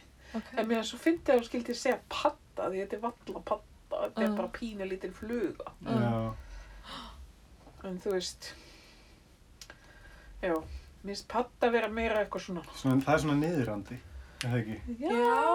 Smá niðurandi. Mér finnst eitthvað eins og pöttur séu ekki flugur. Eða þú veist, Já, að pöttur fljúi kannski ekki. Eða? þarna, pöttur, sko, ég var, hef, var eitthvað að lesa ykkur að bók, þarna á Já, ykkur eins og tíman fræktur og það var, en sko, einu sinni voru pöttur bara alls konar lítill dýr bara. Það voru ekkert endilega skortýr, sko. Mm. Bara litlar eðlur og eitthvað, það voru allt saman pöttur. Já, Já, Þannig þannig að ég veit ekki alveg hvað, hvað, hvað þetta er eiginlega. Patta. núna er að tala um sko iPad sem pöttur. Já. Já. Vá, Það er kannski svolítið jákvætt. Já. amma og afan starka, þau fengu hérna svona pöttu, Já, iPad eða, eða Mhm. hvað sem það var. Og þau kunni ekki mikið á það og vissu eiginlega ekki alveg hvað þau átt að kalla það, en þau kalluðu það alltaf appið. Er. Komdu á það með appið. og ég var ekki tíma að vitna einhver gamall maður sem hafði fengið pöttu og hann var hann í einhverju appelbúð og var eitthvað, ég veit ekkert hvað er líkilorð, hvað er líkilorð, ég veit ekki hver setti þetta líkilorð. Já. Þau voru að reyna að fá hann á hvað heitir þetta, makk, líkilorðið eða hvað sem þetta heitir. Já, já, já. Bara ég veit það ekki og þú veist, ríkti hár sitt og eða sem sagt hár skallan sinn og Já, yfir þessu. Þetta var nokkuð langur prósess. Var þarna. hann að vita líkilorðið? Nákvæmlega. hann afi minn, hann gerði eiginlega það fyndnasta sem nokkuð tíman hefur verið gert á Facebook Já. þegar hann komst fyrst á Facebook. Já. Þá sem sagt, hann var búinn að gera sér aðgang og, og hérna allt í fína með það. En svo, þú veist, eins og Facebook var einhvern veginn í gamla daga þá sænaði maður alltaf inn, Mhm. Já. þú veist, á Facebook. Þú veist, maður var ekki alltaf inn á því automatist Mm. Já. eða þannig. Ok. En það, e eða hvort hann skráði sig út alltaf þegar hann var búinn að nota það. En sem sagt, í staðin fyrir að logga sig inn, Mm. þá hérna gerði hann skráða nýjan user. Já. Var hann þá alltaf að gera nýjan og Hann var nýjan? alltaf bara, þú veist, vikulega að gera nýjan prófíl. Alltaf að byrja nýja vini. Já, og maður var alltaf að fá eh, hérna friend request frá hann einhverjum, afa mínum. Já. Og maður er svona eitthvað, já, ok, þetta er tíundi afi minn. Svo hef ég svona svolítið verið að eyða út, sko, öllum ögum mínum að því að núna er hann búinn að, eh, hérna, núna er hann með prófíl sem að hann er svona að stikka sig við. Já. Ok. En hérna, en það gerist um daginn að afi átti ammæli Mhm. Já. og það stóð sko, hérna, Sveit Sigurkarlsson and seven others eiga ammæli. afi, afi, afi. Og í hvað stjórnuverk gera? Hvað, ég man það ekki. Það er nú eiginlega komst það ekki. hvernig er hann ammali? Ég man það ekki. Oh my god! Skulum vona að hlusti ekki. Hann hlustar ekki. Kanski mamma er ekki verið að segja svona vandræðilega sögur að afa sínum sem mamma man ekki hvernig er ammali. Ok. Um, Þú sér það bara á Facebook þegar hún er ammali. Já. hvernig þeir eru ammali? Já. Heyri, já, þú ætlaði nú að segja sögu af afa þínum. Já, þegar hann heiti drottninguna. Já. Já. Heyrðu, er þetta kannski, ég var að hafa pínu dínu hótt Já, á hér? þetta, þetta er spurning hvort að þetta sé ekki bara díana. Já.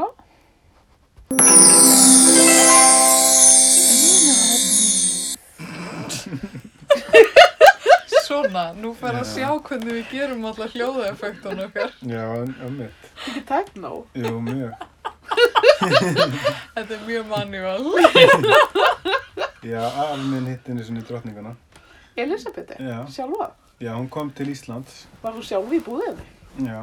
Já, hún kom sko. sko.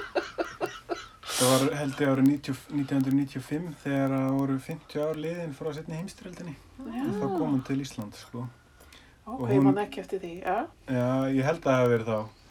Og en það, þá sko, þá vildi hún sko fyrst hilsa afa mínum, sko. Og hún neyði sig fyrir afa mínum.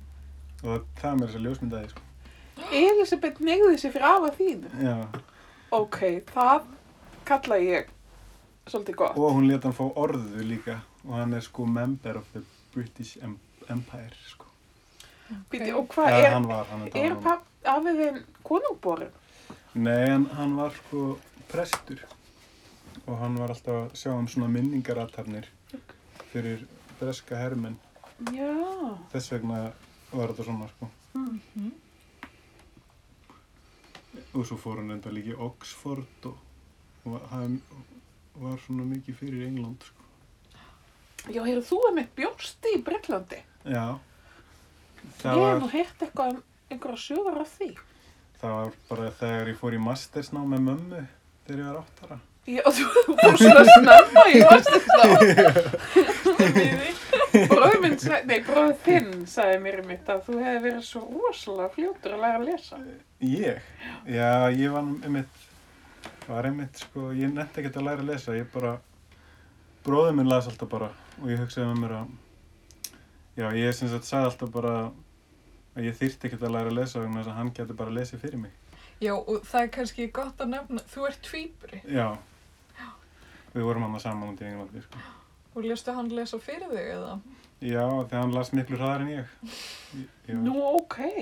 En sko bróðin hinn, bróðin Steini, Já, hann sagði að þú hefði verið svo fljótur að læra að lesa, var það hinn, sko? hann hefur auðvitað verið að tala um hinn, Ah, ég skil. Argrín. Hann hljómar ekki svo ég. Nei, ég var svolítið lengi að læra, svona það, gæti alveg svona að lesi eitthvað smá en Samt kom í mastersnám átt ára. já, ég fór bara með mömmu, sko. Og við vorum að maður skiptumst á að vera með henni í, í skólanum, sko. Þannig að það fórum við bara í maður líka. Varstu þá í svona skrifstofötum eins og, eins og stelpina mína? Mm, ekki, Varstu með bindi? sko þegar ég fór í, ég fór nefnilega líka í grunnskóla, sko. Og þá þurfti ég að vera í skólabúning. Mm Og þá vorum við með, með bindi og sparifötum, bara Hvað varstu gammal? átt ára. Já. og ég fór reynda tvisar til England þannig að það var þegar ég var átt ára og þá var ég í skólabúningnum. Og, svo, og, svo, og þá vorum við um vetur. Og svo fórum við um sumar þegar ég var tíu ára held ég. Og þá vorum við í skólanum með sem sagt í mastersnáminu.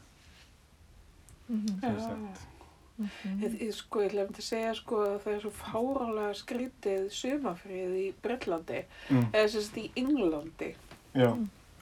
Að það byrjar í lok júli Mhm. mm, á meðan sko, en Já, sko sumafrið í Skotlandi byrjar í lok júni, mm sem ég fannst alveg nógu slæmt. Mm.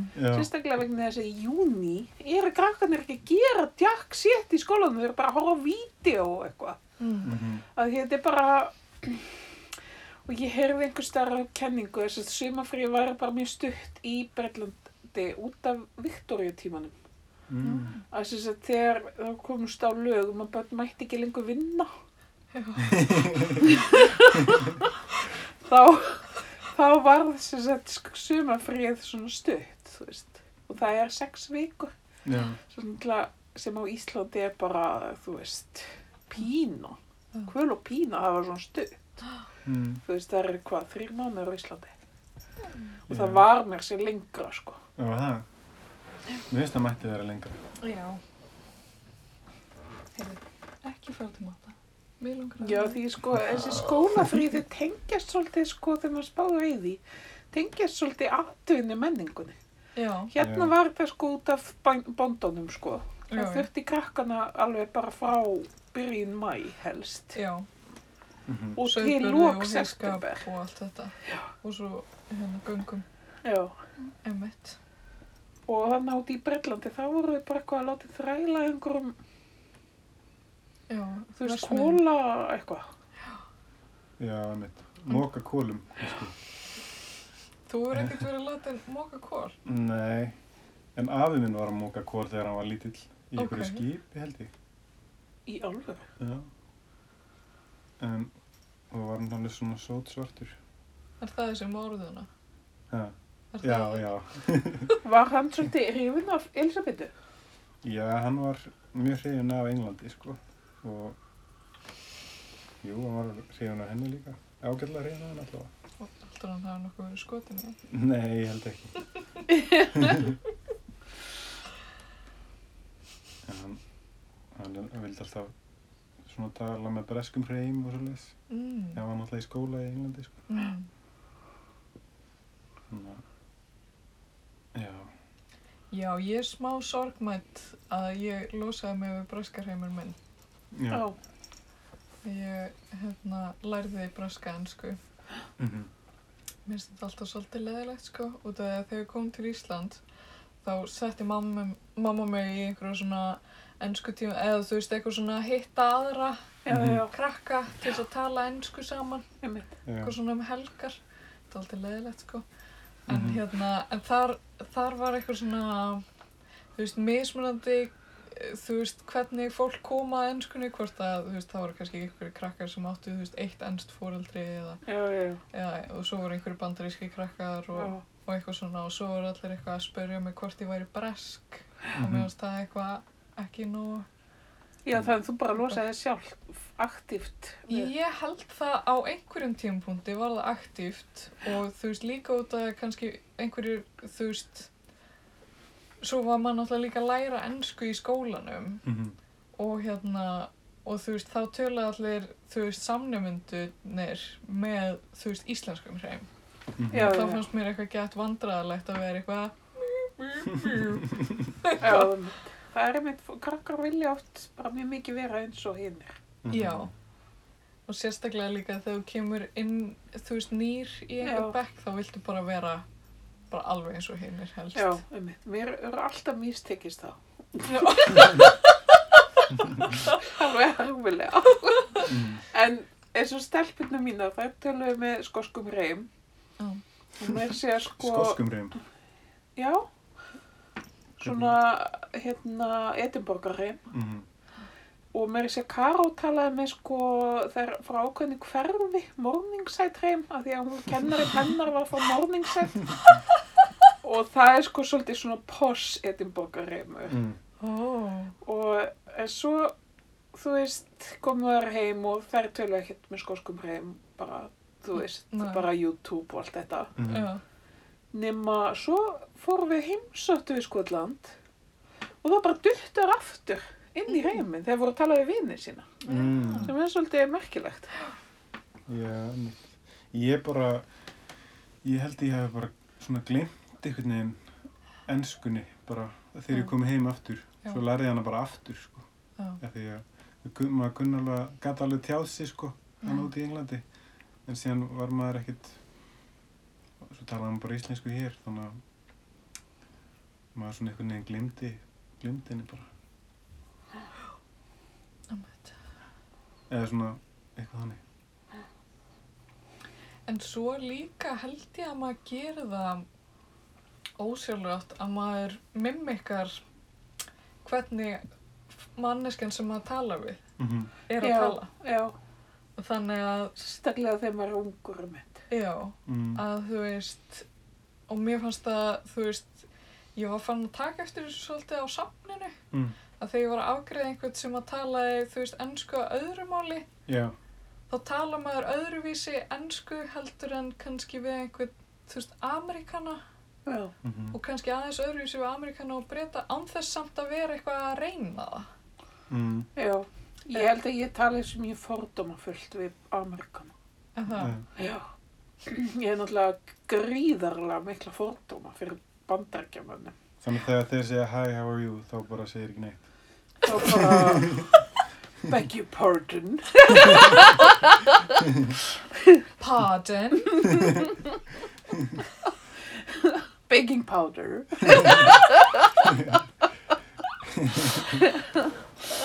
Æ, æ, nei, nei, ég segi svona. já, Amerikanar eru þjóð sem að geta tala endalaust. Mm -hmm. Sem tala mikið. Já, Og stundu talaði mjög hátt líka. já, geta gert það. Mm.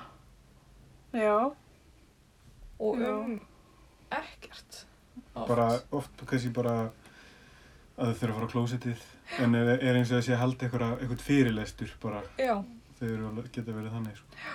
það er einhvern veginn menning fyrir þessu. mm -hmm. Ég, það er mjög mikið aðgættara fyrir því að fólk geti tjáð sig fyrir framann aðra í svona skólakerfinu. Já, mm. mikið í því. Mm. Sem er svolítið jákvæmt, kannski. Þetta, þetta virkar ofvel hjá þeim, sko. Já, kannski. Fer kannski eftir í hvaðan þau koma í bandaríkjunum sko. Já, Mm, já, ummitt. kannski. já, og Það svo... er alltaf stórt landsvæði þarna. Mm. Jú, jú. Mikið Það- ólíku fólki. Mm. Já, mér stuðu öll eins, sko. Aha, Nei. nei, nei, en þú veist, me- meða við hvað maður neytir mikið amerískra menningar, Já, Mm. alveg merkilegt hvað maður getur samt verið fordóma fullur hvað gott er. mér fannst nefnilega, sko, ég held einhvern veginn að allt væri svolítið venjulegt í Ameríku. Út af því að ég myndi maður að hort svo mikið á eitthvað svona Friends og Sex and the City og eitthvað svona rugl. Mm. Og hérna, held bara eitthvað að þetta væri ógslag generic, eitthvað svona English speaking menning, þar sem allir væri bara frekar svona venjulegir. Mm Svo kom ég til bandaríkjana fyrst bara, ég veit ekki, 22 eða eitthvað. Og þá fattaði ég bara hvað bandaríkjana er ótrúlega skrítin staður. -hmm. Já, Bara er eitthvað svona smá bóið við, við þetta. mjög. Já, Og þú veist, þetta eru náttúrulega rosalega mikill munur á milli fylgja og Mhm. ég er svona smá ferðast núna um, þú veist, og séð þú veist, ég hef verið þannig að ég tengdi að mér bjóð mjög lengi í Colorado Mm. og ég hef verið svolítið þar og þar er rosalega svona suburban feelingur, það er rosalega svona hverfi og útkverfi og Mhm. útkverfi og einhverju svona litli bæir Já, og Mm. útkverfi af þeim og einhvern veginn allir búa í svona risastórum húsum sem eru einhvern veginn bara byggð úr pappir, Já, einmitt. já, já, já. þú veist. Og þau eru öll með svona garð fyrir framann Já. og svo bakgarð.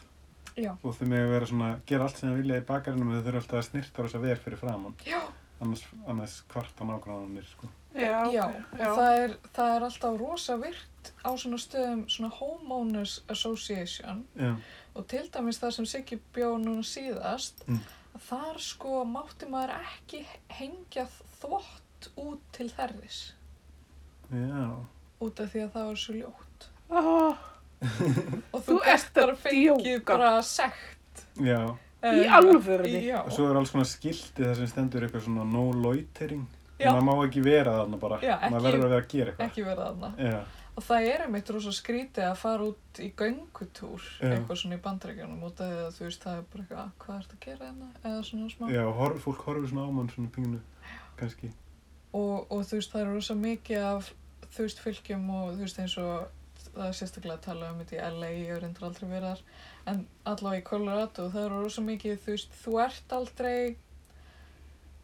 þú veist þú veginn keirir allt af því að það er svo langt á milli. Mm. alls og þú veist þá er aldrei þessi stemming þú veist sem að er kannski þá byrja ég samt smá að fatta sko hvað Amerikanar meina þegar þeir segja European Mm. Út af því að evrópska borgir eru oft byggða þannig upp að einhvern veginn maður getur bara verið á einhverju kaffehúsi svo lappa maður fram hjá einhverju búð og svo Mm. Mhm. eitthvað fer maður í eitthvað park eða eitthvað en í Ameríku þá þarf það eiginlega alltaf að vita hvert þú vilt fara Mm. af því þú þarft að keira í þú veist 30 km eða þú veist ég veit ekki Já. eða 300 km eða, já, ég vil mynd bara fara til New York já, og Boston. Já. Sem er bæði svona, kannski myndi maður fólk segja evróskar borgir líka til. Mm. En svo hef ég líka keirt til Vermont. það er fallegur staður Já, það er svolítið fallegt, sko. rosa svona skójuvaksi Er það ekki nálægt þannig Colorado? nei, Nei. það í raun og veru er Vermont eða svona norðan við Boston sko. Mm. og Boston er norðan við, eða þú veist, þetta er svona þannig uh, East Coast Já. Er það ekki, já Ég veit ekki neitt, en ég veit bara það að þetta var svona svolítið skrítin ferð, sko, sem ég fór með vinkunum minni. Mm. Og hérna við vorum bara, hvað vorum við gamla? Við vorum frekar ungar, sko. Og hérna, ég fór með að segja tvíbaratörnum. Já. ok. Það voru það ungar, sko. mm. Og ég er það gömul. Það var svona 90s eitthvað. já, hlýtur Já, að vera. 99 held ég. Já, Já. þá við mitt kom maður á safni í dag og sem fætti 2001 og ég var bara, ertu fullorðin? hvernig ert þú hér? Ég bara gat ekki ímynda mér að væri alveg Var hann orðið þetta? Já, Ég er náttúrulega hann tvítið bara. Eða eitthvað. þannig já. En já, þetta er svolítið merkilegt. Ég var með mikla martaræðir árið fór til Ameríku um að um að þeir myndi hleypa mér inn í landið Mm nú fyrir stjórnmálaskoðanir. Já. Og ég var bara eitthvað, Þegar þú talaði við þarna landamæravörðin. Já, ég var vissum að myndi segja bara, já, hvað, var, var kannski pappiðinn að læra í Rúslandi? Já, ok, bæ, farðu. það er kannski kommunisti Þegar ég fór fyrst til bandaríkjana þá var ég mitt líka svolítið svona eitthvað stressaður að tala við hennan landamæravörð Já, og svo talaði ég við hann og fyrsta sem hann segir er bara Hi, how are you? Og ég vissi ekki hvernig ég átti að svara því. Það var eitthvað svona trikk og hvert fórstu? Þá fór ég til hann Detroit en ég var samt bara í Býtu, heitir í bílaborginu að Detroit? Já, það var svolítið mikið af svona löngum götum þar sem heitir, það var ein sem heit Jefferson ok, eða eitthvað. Það heita þannig á mörgum stöðum held ég í bandaríkjunum. En já, það var, það var bílaborg, sko. Býti, hvað varst að gera? Ég var bara í heimsó Ok. og ég var bara í einhverju svona húsi með svona, það var bara eitthvað svona bandarísk fjölskylda sem bjóði í þessu húsi. Og þau, og þarna, sem sagt, þau byggu hann í Gross Point og, og, og ma sagt, mamman eða konan sem var þarna, hún, hún hérna, hún held sko að allir vildi búa í bandaríkjunum. Þegar það væri sko besta landið. Eða, Mm bara eins og Ísland, best í heimi. Já, hún trúði því samt, sko. Vá. Það var svo mikið freedoms frelsi. Ok. Hljóma samt ekki við mikið frelsi, bara. Þú mátt ekki sitja hér og ekki standa þarna. Nei, ekki, ekki þurka þvottin úti. Mhm. Nei. Ekki gefa barninu þínu brjóst, almenn færi. Mm. Nei, og svo hversu mikið frelsi hefur þú raunverulega ef þú, þú veist, eh, ferð í skuldir eða þú fótbrytu þig, Einmitt. skilur Mm. Er það raunverulegt frelsi? Uh, nei, Alls Nei. ekki. það er náttúrulega bara helsi þarna. Og svo líka alls konar bullshit lög sem þeir eru með, eins og þetta tips dæmi, þú veist, að vinna fyrir tips. Já, Já. Hugsa sér að við hefum verið að vinna á safninu sem host-host ekki margir koma á, já, að við hefum verið bara þar að vinna fyrir tips einmitt. og þá hefði það komið niður á okkur að það hefði komið svo fáir á safninu. Já, mitt. skilur við. Já, Já. einmitt, við lendum í því þegar maður var að kaupa, við, ég og vinkonum mín verstlum rosalega mikið. Ég var aldrei á efinni versla jafn mikið. Kjöfði ókjörslega mikið af fötum sem var svo aldrei en allavega og þá voru sko, einmitt, sölufólki að berjast um að selja okkur af því að þau voru að vinna fyrir tips. Já. Mm. Já, Já. svona commission. Maður fekk samt, ef maður fór og fekk sér eitthvað að borða þá fekk maður alltaf gett mikið á diskin. Já, Sem sem ma- maður gæti ekki einu sinni, ég gæti ekki klárað það, sko. Já, einmitt, stærðirnar voru allar mjög skrýtnar. Mm. Diskarnir er stærri og allt. Og svo setja þau klór í vatnið. Það fannst mér svolítið skrítið. það er bara. Maður þarf, að svona hreinsa vatnið, eða flestir eru með eitthvað svona filter eða eitthvað.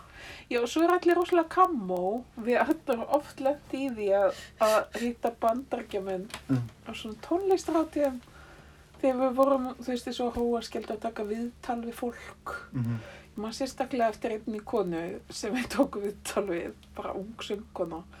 Hún bara, oh my god, when you come to Seattle, you should stay with me. Já, Og þú veist, við hefum fengið rosalega mörg svona tilbúð frá fólki. já, En ég held að þau viti ekki að Arnar tekur svona tilbúðum alvarlega. Það var, það var svolítið þannig held ég, hvernig, þess, það var þessum sem ég fór til.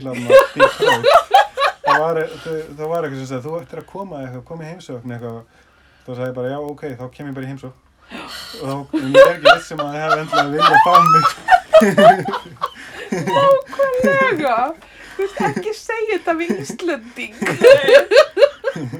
Sem, við hittum við mitt, núna síðast í Noregi, þá hittum við eitthvað rosalega hipp og cool par frá LA. Mhm. Aha. og þau áttu eiga eitthvað svona bara fáránlega cool hérna merki eða svona plötu útgáfu sem mann ekki hvað heitir. Já, og þau voru bara, það ringdi upp í nefi á þeim þau voru svo cool og merkilegt. Já, og þau bara, oh, when you come to LA just stay with us. We have enough room. Just, yeah right. Svo sko næsta kvöld Mm. vorum eitthvað út að borða með þeim sem eitthvað svona domnefndar eitthvað. Mm. Næsta kvöld þá letu þess að þau þekkt okkur ekki á okkur bar. Já, ok. Það þetta er bara svona algjört, bara kjátaði oft sem eru að segja. Þeir eru líka, þú veist, þeir tala um svolítið öðruvísi hluti finnst mér heldur en Íslandingar af því að þú veist eins og starki á nokkra bandaríska vini og, og hérna tveir þeirra koma að heimsækja okkur fyrir alveg nokkrum árum og hérna og þeir svona þú veist eins og ég, þú veist starki á íslenska vini sem að þú veist maður er bara vinir og talar um bara vennilega hluti eins og íslensk fólk gerir eða eitthvað, ég veit ekki. En ég, þú veist, maður finnur aldrei fyrir því að maður sé íslensku fyrir maður tala við eitthvað sem kemur ekki Já, já. úr sama einhvern veginn. Og hérna, og ég man að báðir þeir hafa sagt mér eitthvað svona, eitthvað svona, já, flott, klifta þér hárið, eða þú veist eitthvað, já, þetta, þetta er bara rosa flott að þér, bara you look pretty today, eða þú veist eitthvað svona, og maður er bara eitthvað, vá hvað enginn, bara hvorki, bara kona nekall á Íslandi myndi nokkuð tíma að segja mér að ég væri eitthvað, eitthvað sérstaklega falleg í dag, eða eitthvað svona, eða, þú já, er já. svona, það er svona næstu í maður er eitthvað, wow, ok, ertu eitthvað skotin í mér? bara, móa, slakað á Ég, svona ég læri þetta samt í Skotlandi, sko. Þeir eru mjög mikið í þessu já, hrósi bara. Sko, þeir, þeir tala, það tala um shit sand- sandwich í Breitlandi. ok sem er bara, oh my god, bara vákvátt í fallegum ból, auðlóa. Svo bara, oh, glataði þátturinn þinn. mm. En æðislega gleru. Er það shit sandwich? það er svona dullbúningur Já, og segja eitthvað leiðilegt einmitt. og gott Og svo náttúrulega, þú veist, í fræðimanna heiminum er þetta miklu svona dulbúnara. já, Mhm. Eitthvað, þú veist, eða svo þegar fólk segir interesting í fræðimanna heiminum. Mm. Það því ég bara glimtu þessu. Farði inn í helli og látti þessu það aldrei að vera til. Eitthvað. interesting thought. Skrítið Interesting. það er skrítið sem þú ert að segja Alveg óþarfið það sem þú sagði.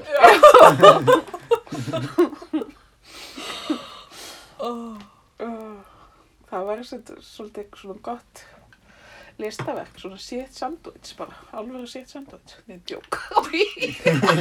Bara með alvöru shit sandwich. Í það er hérna mókun í Arabaheiminum. það er hérna Arabarnir í, sem voru með mér skóla þessu oft sko ég ætla að senda þér kúk í posti. Það var svona svolítið mókun sko. ok Það er mikil mókun. Já, ok. það er kannski ekkert svo mikið verið að tala um þetta lengur þú sendir ekki kúk í e-mail eða messenger Nei, kannski. Kannski vírus. Þú send vírus. Já, þú sendaði vírus á Messenger. Hefur, Kúkavírus. já, Nei. Það er upptökustjóðan farin. Já. hefur þú einhvern tímann gert eh, matarlistaverk? Um, Mynd, ætla, mynd af mat eða listaverk úr mat? ég, hef mál, ég hef málamynd af því, sko. Ok, Ég málaði þessi mynd að það var það svona gemura sem Mm. búin að taka fólk hérna til fanga og eru að fljúa með þau í gemferðinu sínu og þau eru svona að rannsaka fólkið og gefa þeim mat og láta þau svona bara sjá hvað áhrif það hefur á þau sko. Svo eru svona aðra gemur að skrifa hjá sér og þau eru að fá pítsu og kjöt og grammiti, bara alls konar mat. er þetta stór mynd? Hún er ekkert, hún er alveg bara svona, ég veit, já, nei, hún er ekkert svo stór. Þetta er samt málverk. Ok. Hann, hann ger heima með mér. Ertu, ertu að mála? Nei, ekki eins og er, sko. Málið er að ég var að byrja eitthvað aðeins að mála eitthvað tíman um daginn. En þá var ég bara á gólfinu, sko, og Já. það var svolítið óþægilegt. Það að, svolítið pláss já, í það. og ég á sko trönur en ég þarf bara að ná í þær og þá Mhm. get ég kannski málað eitthvað á þeim.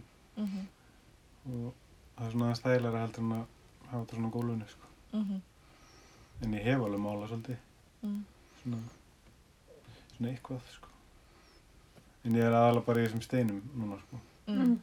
og teikna líka í skísubókinu mínu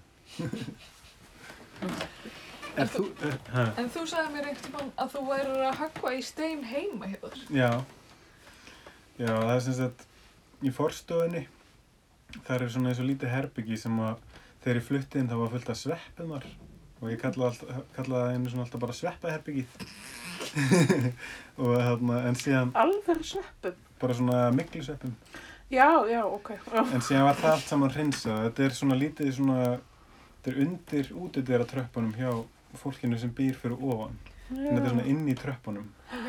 og þetta er svona, þú veist, og e- ef þetta væri geimsla þá myndi verið koma mikla aftur Mm. en, en það er sem sagt, það er komin opnatinn og svona vifta og síðan, svo er ég að setja rosa mikið ríkarninn bara til þess að koma í veg fyrir mikluna, sko. Já, þú ert bara að gera guðsverk. Já. Já.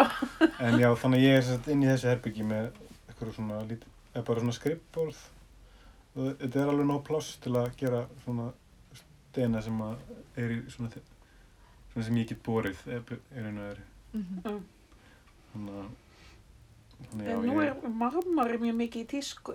já, Þú er komin í marmara. já, ég, ég stundum hóki í marmara. Um, já, ég á, á eitthvað marmara heima og svo er ég, er ég að gera hann eitt úr sem er úr marmara en ég er bara búinn að vera svo lengi að því að ég fer alltaf að gera eitthvað annað líka Mm. og það er svona því að maður svona getur pússað eitthvað neginn upp Mm. og stundum þá nenni ég því ekki þannig ég fyrir bara að gera eitthvað annað en jú, já, ég er stundum að gera í marmara líka Er mjög öðruvísi að vinna með marmara heldur en þú veist þessu grákrítu og eitthvað? það er ekkert mikið öðruvísi en það er bara mjög þægilegt að vinna með marmara Mm. og en maður getur gert alls konar smáatriði og og svo getur maður líka pússað það rosa mikið upp sko. Já. en, en það er ekkert eitthvað, jú það er svona miklu svona þjættara í sér þannig að það er ekki svona allir þessi göt eins og í grágriti Mm. þannig að er er eldra berg eða eitthvað. um, já, ég held það. Mm. og líka bara aðeins öðruvísi. Það er sem sagt svona marmari. Hann er bú, vist búinn til það var einu sinni þá voru bara fullt af skeldýrum í sjónum og eins og eru núna. Síðan deyja þau og skeljarna er að fara eitthvert og svo svona brotna skeljarna niður og verða bara dufti. Og þá svo sapnast duftið saman og svo fer það og breytist í svona kalkstein Mm. og síðan hérna eitthvað gerist eitthvað og, og, það breytist í marmara svona endur raðast einhvern veginn þannig að þetta er bara skeldir Mm. Ok. það bara búið það, Það er einmitt það sem, það sem ég finnst eitthvað svo ótrúlega merkilegt. Já. Kannski í þessu sem er kannski ekki beint í þessu samingi en samt. Sem að einhver efnafrægur eitthvað. Mm. Að allt, þú veist, sem er til í heiminum. Þú veist, verður alltaf til í heiminum. Já. það fer bara eitthvað annað Þú veist, það er bara, þú veist, við Mm. verðum bara mold eða, þú eitthvað veist, plönti svo kemur eitthvað planta þarna, já Einmitt. þú veist. Ég veist líka allt vatnið sem er til í heiminum er alltaf bara til í heiminum. Já, Að þú veist, þú pissar og svo regnir því niður, basically. Eða þú veist, og líka, og líka eitthvað svona á eitthvað svona einhverjum frestið að, því að líkamann alltaf endun í sig. Þannig að við erum bara í raun og veru líkamann okkar núna þetta eru bara svona aðrar svona sameindir. Við erum aldrei söm, samt erum við alltaf til. Oh my god, þetta er rosaleg heimsbyggi hérna. En, en þið vitið að þið eruð ekki sömu manneskjur og þegar þið fættust. Nei, Þú ég veist, það eru allir fibers af líkamanniðinum eru búin að endurnýjast. já, Þú bara, ert ekki með sömu beinin einu sinni. Oh my god, mér fannst ég að við myndir svo ólík sjálfur mér. Í dag. Þú ert bara komin á þann punkt að það er ekkert lengur við þig sem þú kannast við. En hver- Ég er ekki ég. en hver ætlum að sé þá? Ég veit það ekki. Það byggjast þeim. Eitthvað vona út í bæ sem heldur hún sé jarðabersa. kannski er maður þá jarðabur líka eða var Ég, maður þú einu veist, sinni kannski vorum við jarðaber. já, að þú getur kannski líka verið jarðabur. já Ert þú svolítið jarðaber í þér? e, mér finnst alltaf að jarðabur ágætt Hvaða ávöxt myndið þú svona... Samsamaði Samsama. mest við. kannski bara banana Það er klassist. Veistu, ég hugsaði nefnilega um þetta út af því ég og Móa vorum með hennan þarna, revolutionary ávöxt á þátt þannig í síðustu viku. Ég veit ekki hversu skemmtilegur hann var. Hann var frábær. Ég hlusta á hann. Hann var bara gjörsalega æðislegur. Og þið sem eru ekki búin að hlusta á hann, hlustið á hann. Mæli með. En þá hugsaði ég einmitt, já, nú kemur Matti í næsta þátt, hvaða ávistur ætli hann sé. Og þá hugsaði ég sko, að mér að þetta væri svona, svarið við spurningunum væri smá útusnúningur. Mm. En ég hugsaði kannski að það væri valneta. Valneta. Já. Er það ávöxtur? Nei, eiginlega ekki. það er netta. Já. En ég hugsaði svona að það er svona smá í sama heimi, en þú veist, þetta er svona útusnúningur á spurningunum, sko. Já, einmitt, já. En Mm, hérna, Mér finnst valnendur ágæðar. já, veist það líka. Já, Það eru líka svona fyndnar í læginu. Svona þessi heilar. Já, einmitt, já. Já, þú ert náttúrulega stórkostlegur heili Er ég? í netskabli. Já, í netskaplinni. Já, er ég hef samt unnið í tvisvar. Bara svo það sé bókfært. Það var samt bara hefni. Nei, hérna, Matti, maður má ekki vera leiðilegur þegar maður tapar. nei, nei, ég bara, segi bara svona. Þetta á við um þig móa líka. Ó, ok. Ég held að ég var alveg free zone. Ég man eftir nokkrum, nokkrum skiptum sem að ég og móa vorum að hittast og til þess að taka upp og þá vorum bara á algjörum bögumir, já, svo er Matti bara alltaf að vinna mig í svona nettskröfli. Það var alltaf svolítið fyndið þegar við vorum að vinna saman og við vorum að s- skrafla og síðan svona segi ég telstuðan eitthvað svona móa þú allt leik og síðan svona svara hún eitthvað oh, hún stýmur eitthvað á telstuðina Býtu, ég saknaði svolítið, þú veist, að vera með talstuð.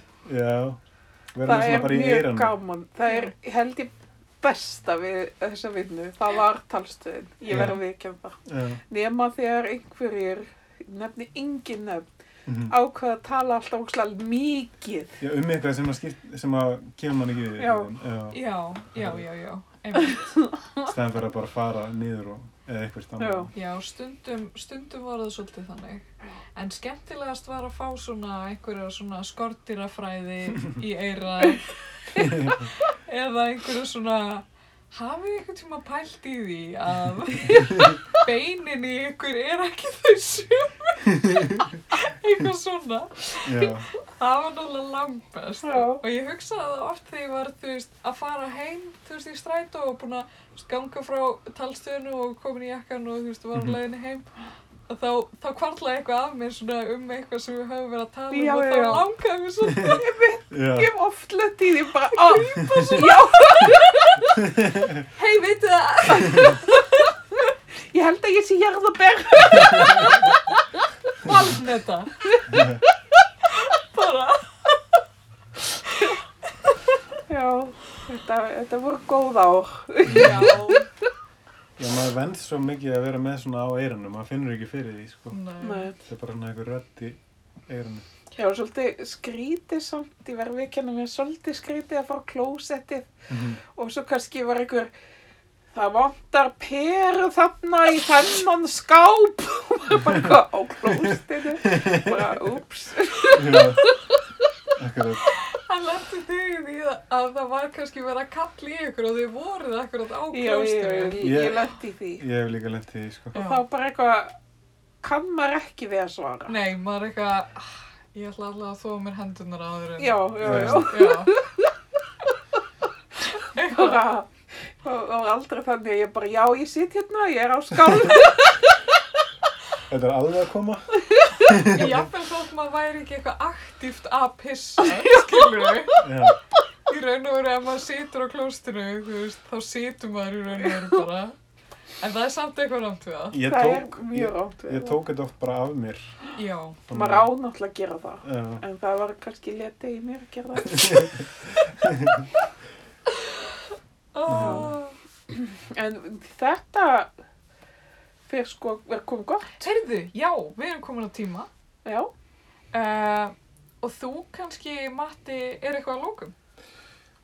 uh, sem ég langar að segja. Já. Koma frá Við ættum kannski að, hérna, Tökum smá pásu bara og hugsa um það. Já. Og uh, já, er eitthvað sem þú myndi vilja segja? Koma á framfæri. Já, ég ætlaði bara að segja að þetta er besta hlaðarp sem ég hef tíma tekið þátt í. Og þið eru svo, svo rosalega fallegir þetta. Vá, þetta var ekkert kontra. Takk, Mattias. Kann Vá. virkilega vel að meta bara að þú skildir koma hingað í stúdíu Já. Barnaby. Já, Það ekki? Þetta er bara búið að vera mjög notaleg kvöldstund hérna. Já.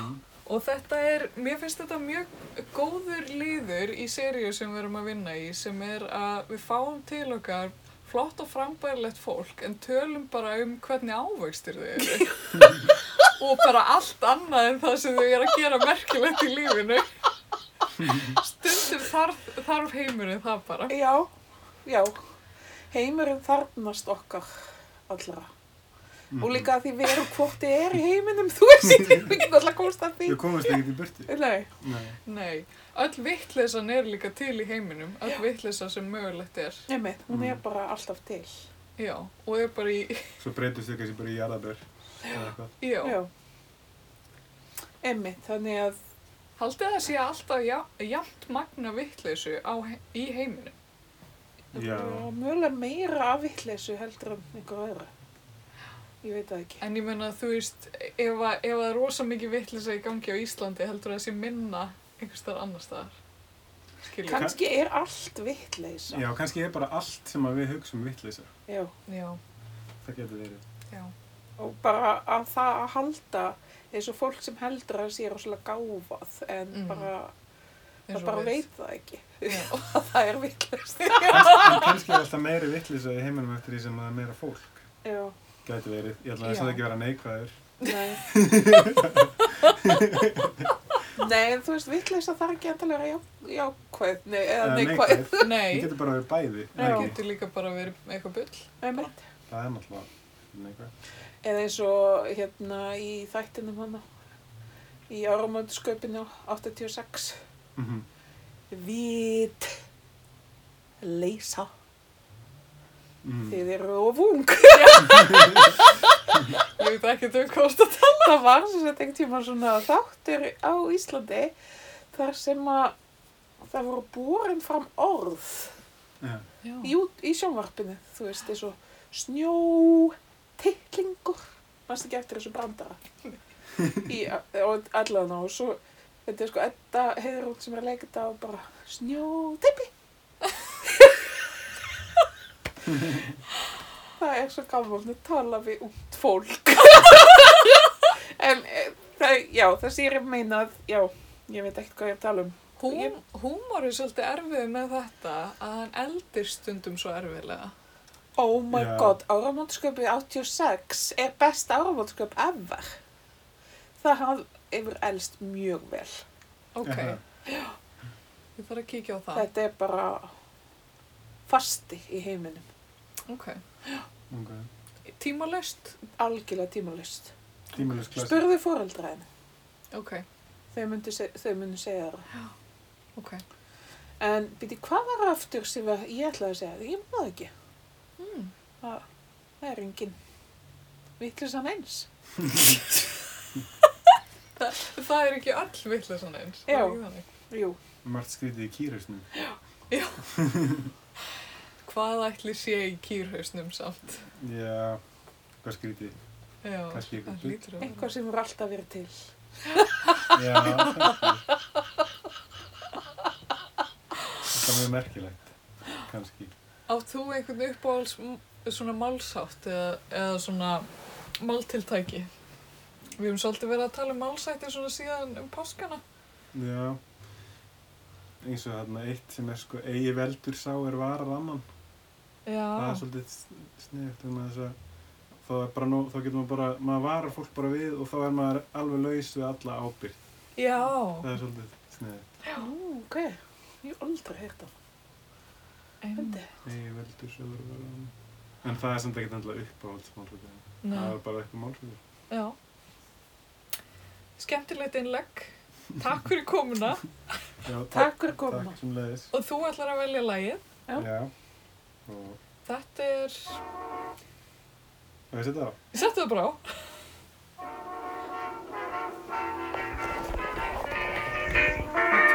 tölum stundum svona létt meðan lagið er í gangi. Hvað eru að hlusta á? Við erum að hlusta Leið og rén sín Ólafi Virta. nafnlín sem lóð og kútsúi hafið sín Já, þetta er á fyrst. Sen kansan tanssit ja sen laulettiin, vaan hetki malta kaikkialta kuuluu. Hei mambo, Eins og finnarnir segja, þeir segja oikarasta. Veitir hvað það þýðir? Vá, fallegasta. Hvað þýðir það? Ég kann bara mambo. eitthvað kannski. Hei hurma mozzarella, hei Ég veit ekki alveg hvað það þýðir. Það þýðir bara, lítið samskotar. Eitthvað vittu sátana þetta. Ja vittu er sko píka. Og svo kann ég líka eitthvað hæsta paska. Ja, paska er skítur. Ég, kann ekki svo mikið í þýsku.